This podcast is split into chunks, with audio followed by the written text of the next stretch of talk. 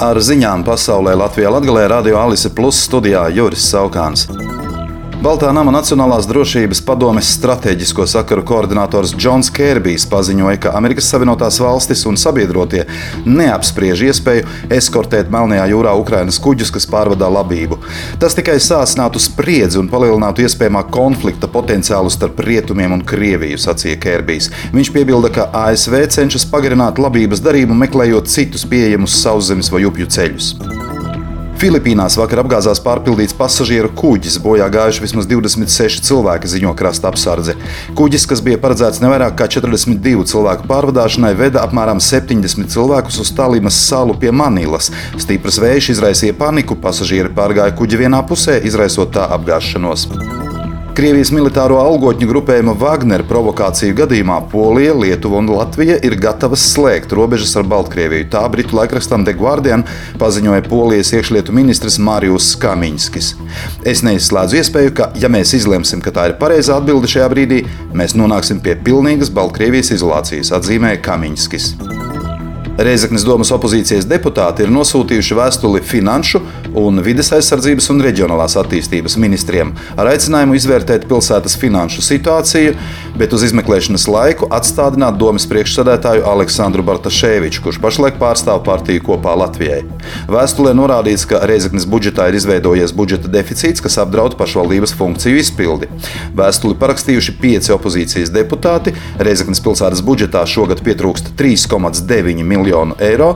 Summa ar informatīvo ziņojumu par Reizeknas pašvaldības budžeta situāciju pašvaldības finanšu pārvaldes vadītājas vietniece Jeļena Siliņa vakar domas sēdē iepazīstināja deputātus. Auto asociācijas apkopotā informācija liecina, ka Latvijā šogad pirmajā pusgadā pārdotas 11,272 jaunas vieglās automašīnas, un tas ir par 19,3% vairāk nekā attiecīgajā periodā pērn. Populārākās bija Toyota, pārdots 2121 automobīlis, jeb 18,8% no visām pārdotajām jaunajām vieglajām automašīnām. Seko Skoda ar tirgus daļu 12,3% un arī straujāko jaunu auto pārdošanas apjoma pieaugumu salīdzinājumā ar pērno gadu. Trešajā vietā ir Volkswagen, bet ceturtajā vietā Dacia. Valsts ieņēmumu dienesta muitas pārvaldes un valsts robežsardzes amatpersonas veicot kravas vilcienu kontroli uz Latvijas robežas ar Baltkrieviju, novērsušas vairāk nekā 10 tūkstošu cigarešu paciņu kontrabandu. Cigaretes bija paslēptas ogļu un čuguna kravās.